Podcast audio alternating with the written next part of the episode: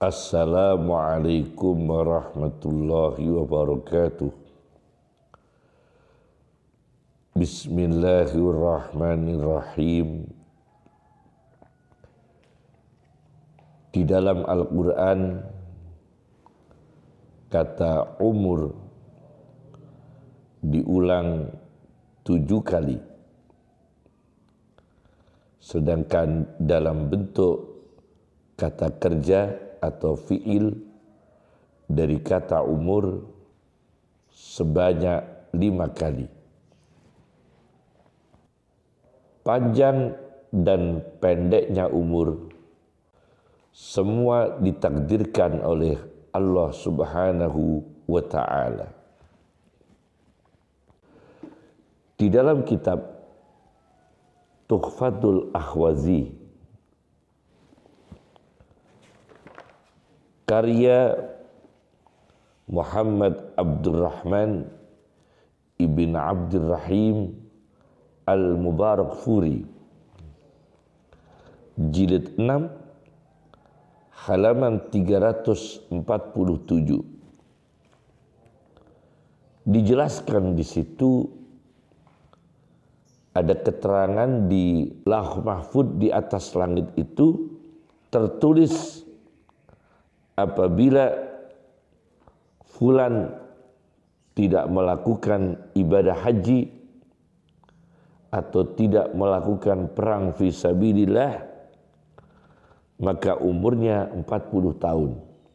Fa umruhu arbauna sana.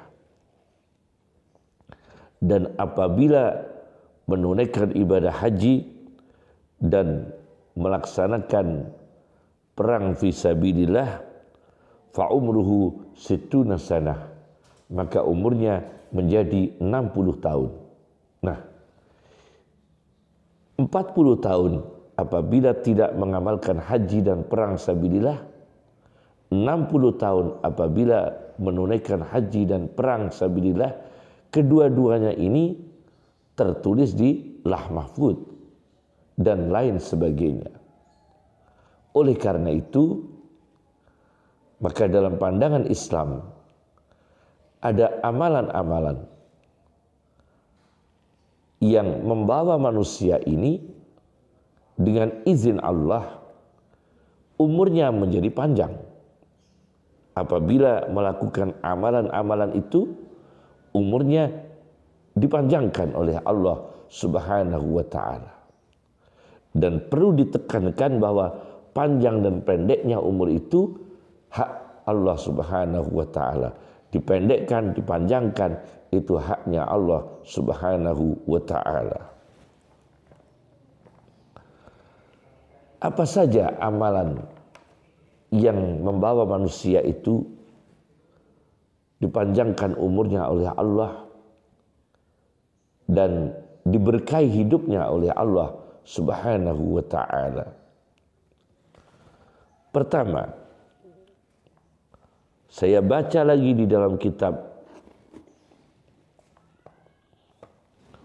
Tuhfatul Ahwazi. Karya tadi saya sudah saya sebutkan yaitu karya Muhammad Abdurrahman ibn Abdurrahim Al-Mubarak Furi di jilid 6 halaman 346 Rasulullah Shallallahu Alaihi Wasallam bersabda di hadis Sunan Tirmidzi nomor hadis 2139. Rasulullah Shallallahu Alaihi Wasallam bersabda, "Wala yazidu fil umri illa birru." Dan tidak menambahkan di dalam umur melainkan al-birru, berbakti. Berbakti kepada agama Allah, berbakti kepada kitabnya Allah, berbakti kepada sunnah Rasulullah Sallallahu Alaihi Wasallam, berbakti kepada orang tua. Nah, ini semua membawa umur itu panjang. yakni ditambahkan oleh Allah Subhanahu wa taala.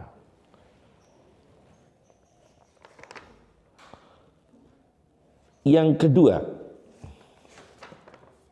manusia dipanjangkan umurnya oleh Allah Subhanahu wa taala apabila menjaga diri dari kedoliman menjaga diri dari kedoliman saya baca di dalam kitab Bulghatul Khawas fil akwan ila ma'danil ikhlas fi ma'rifatil insan. Karya Muhyiddin Ibnu Arabi. Di halaman 153 diceritakan di sini pernah terjadi seorang raja muslim mengutus satu utusan ke raja India untuk melakukan survei dan konsultasi kenapa raja-raja India itu umurnya panjang. Sedangkan raja-raja muslim banyak yang umurnya masih muda-muda dipanggil oleh Allah Subhanahu wa taala. Sementara raja-raja India dikaruniai oleh Allah umur yang panjang. Begitu utusan utusan raja muslim menemui salah satu raja India menanyakan tentang perkara itu kemudian raja India ini mendemonstrasikan sebuah keajaiban yaitu pohon. Ada satu pohon raja India itu terdiam. Terdiam memusatkan pikiran konsentrasi dan kemudian raja India ini dalam alam khayalannya itu dalam konsentrasinya itu dalam jiwanya itu mengharapkan pohon itu tumbang. Mengharapkan pohon itu jatuh, roboh. Maka dengan izin Allah, dengan kekuatan batin Raja India itu, hanya mengangan-angan konsentrasi yang terfokus, terpusat, mengangan-angan, mengharapkan pohon itu roboh, maka pohon itu menjadi roboh. Dan itu didemonstrasikan, dipraktekkan di depan utusan Raja Islam. Kemudian Raja India itu memberikan kesimpulan. Inilah contoh apabila seorang pemimpin kemudian melakukan kedoliman dan rakyatnya mendoakan di dalam hatinya konsentrasi terfokus menginginkan kematian penguasa yang dolim menginginkan celakanya penguasa yang dolim maka tidak bisa terbendung dengan izin Allah kematian itu akan dialami oleh pemimpin yang dolim kebinasaan itu akan dialami oleh pemimpin yang dolim itu saya satu orang. Mengangan-angan pohon roboh pohon menjadi roboh. Apalagi seorang pemimpin negara pemimpin kerajaan yang mungkin ribuan rakyatnya, mungkin jutaan rakyatnya menginginkan pemimpinnya ini segera mati, menginginkan pemimpinnya itu segera dipanggil oleh Allah Subhanahu wa taala karena rakyat sudah menderita dengan kedolimannya. Maka umurnya menjadi pendek. Akhirnya raja utusan raja muslim ini pulang dan introspeksi diri. Raja-raja muslim menjadi introspeksi diri supaya panjang umur dengan izin Allah harus membersihkan diri dari kedoliman termasuk mendolimi rakyatnya sendiri. Yang ketiga, umur dipanjangkan oleh Allah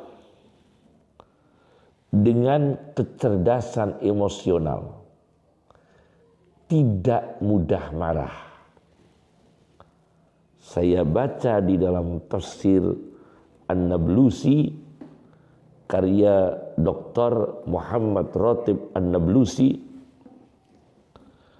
di jilid 2 halaman 486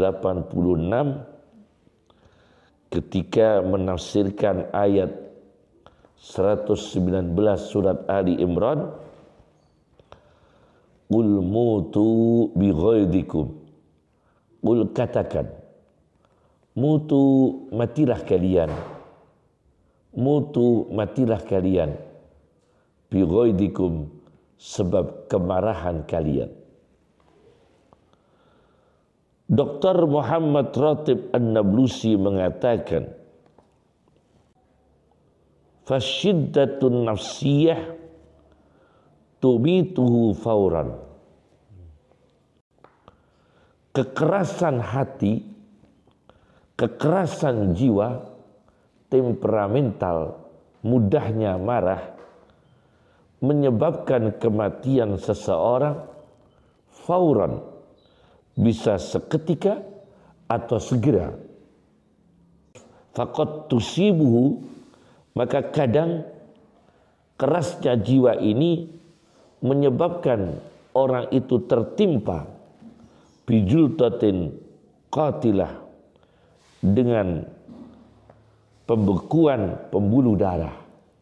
Yang kedua, au bisaktatin qalbiyah qatilah. Jadi pertama bijultatin qatilah dengan pembekuan pembuluh darah qatilah yang membunuh menyebabkan kematian menyebabkan kematian au bisaktatin qalbiyatin qatilah atau serangan jantung yang mematikan atau au bitawaqqufin lil qalbi qatil atau jantung berhenti dan membawa kematian. Ini karena mudah marah, temperamental. Maka supaya diberikan umur panjang oleh Allah Subhanahu wa taala, maka kita berusaha mempunyai sifat sabar, syukur, lapang hati, aris. Kemudian yang keempat adalah umur panjang karena sedekah dan doa orang yang disedekahi. Saya baca di dalam kitab Unsul Munqati'in li ibadati Rabbil Alamin karya Al-Mu'afa bin Abi Sinan Al-Mausili disertasi doktor Ridho Ahmad Ikhbariyah jilid 1 halaman 607 diceritakan di sini ada pemuda dan pemudi. Soan bertamu berkunjung pada Nabi Sulaiman alaihi salam. Mohon doa restu supaya Nabi Sulaiman berkenan menikahkan kedua pemuda dan pemudi tersebut. Akhirnya Nabi Sulaiman itu menikahkan kedua pemuda dan pemudi tersebut. Maka pemuda dan pemudi tersebut keluar meninggalkan Nabi Sulaiman. Maka Nabi Sulaiman menikahkan kedua pemuda pemudi tersebut dan pemuda-pemudi itu keluar dari majlis Nabi Sulaiman dengan gembira setelah dinikahkan.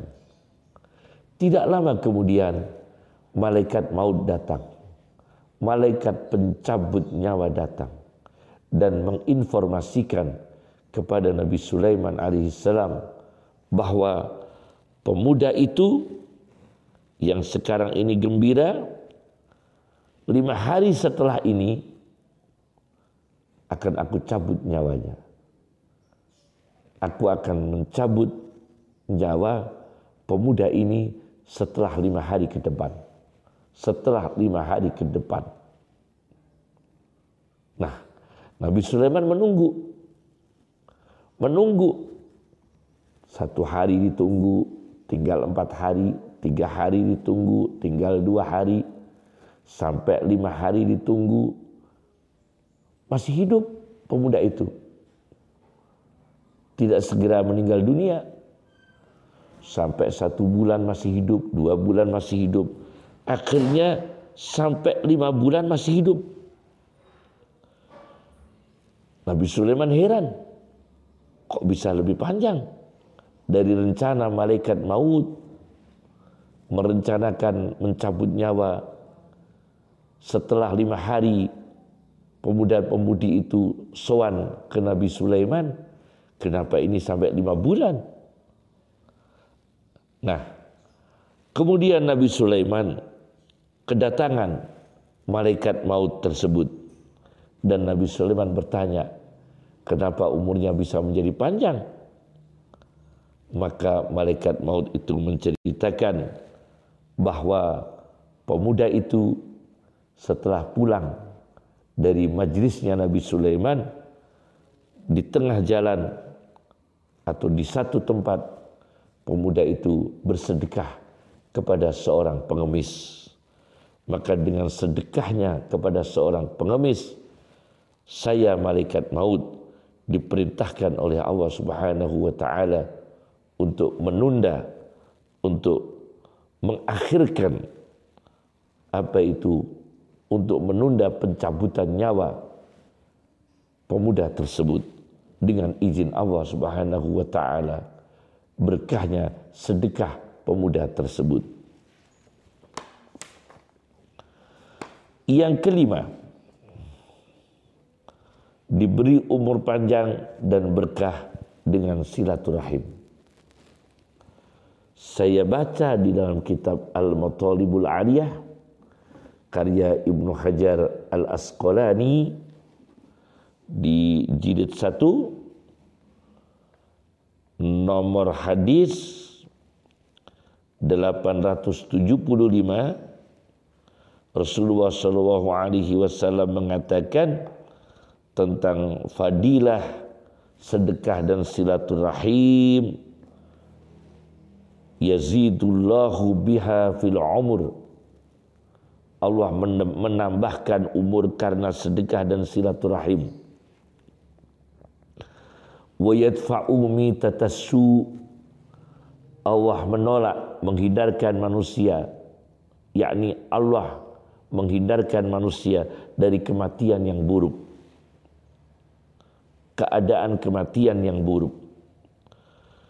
Wa yadfa'ullahu biha al-makruh dan Allah menolak yakni menghindarkan manusia dengan sedekah dan silaturahim al-makruh sesuatu yang tidak diinginkan wal makhdur dan sesuatu yang dikhawatirkan. Yang keenam panjangnya umur berkah dan selamat karena kehidupan religius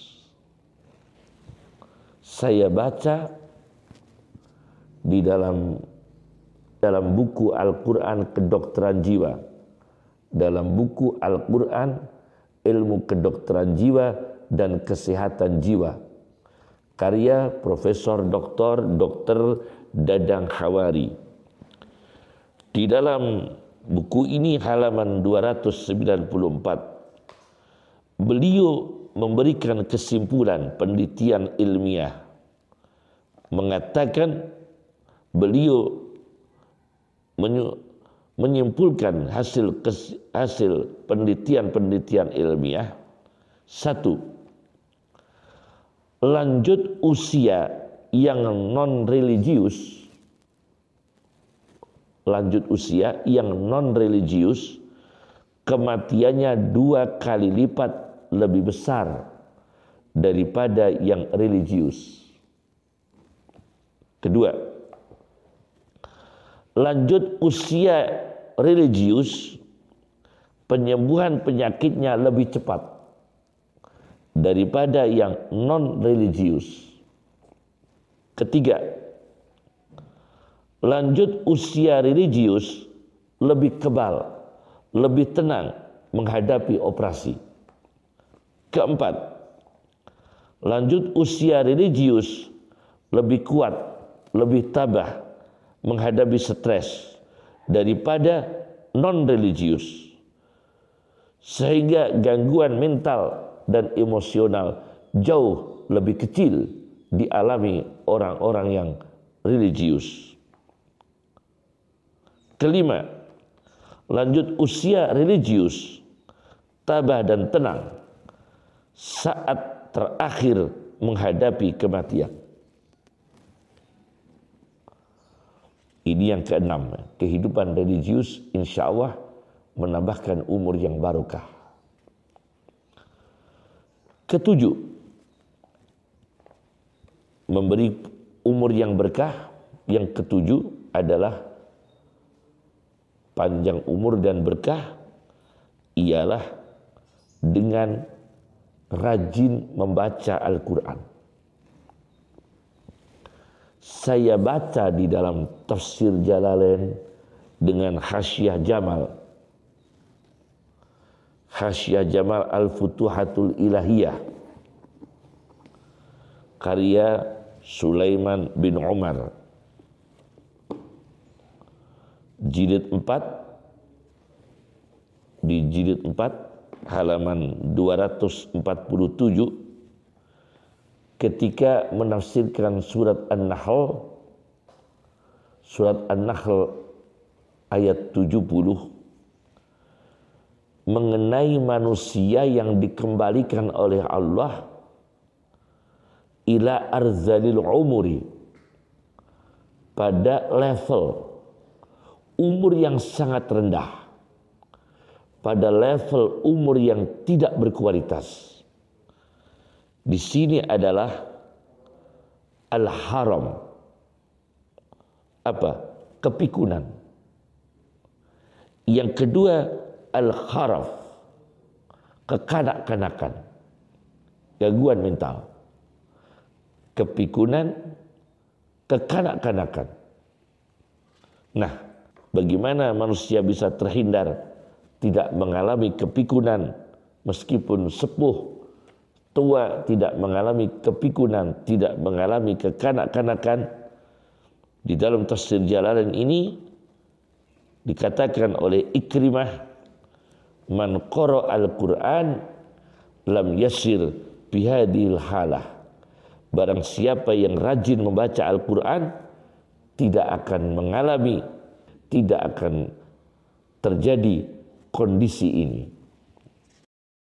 Jadi kalau rajin membaca Al-Quran, insya Allah tidak mengalami kepikunan, tidak mengalami kekanak-kanakan, tidak mengalami penyakit yang bernama apa itu Alzheimer atau kepikunan yang saya baca di dalam kitab La Tahzan Janganlah bersedih karya Dr. Aiz Al-Qarni di sini beliau menjelaskan di halaman 197 bahwa Ronald Reagan Presiden Amerika Serikat ke-40 difonis mengalami Alzheimer, penyakit menghancurkan memori dan fungsi mental lainnya. Ini dialami oleh Ronald Reagan. Maka meskipun cerdas tapi tidak menjamin tidak menjamin manusia ini terlepas terhindar dari arzalil umur umur yang kualitas terendah maka semoga kita dipanjangkan umurnya oleh Allah dan tidak mengalami kualitas umur yang rendah dengan mengamalkan tujuh perkara di atas yang telah kami sampaikan. Insya Allah berkah. Assalamualaikum warahmatullahi wabarakatuh.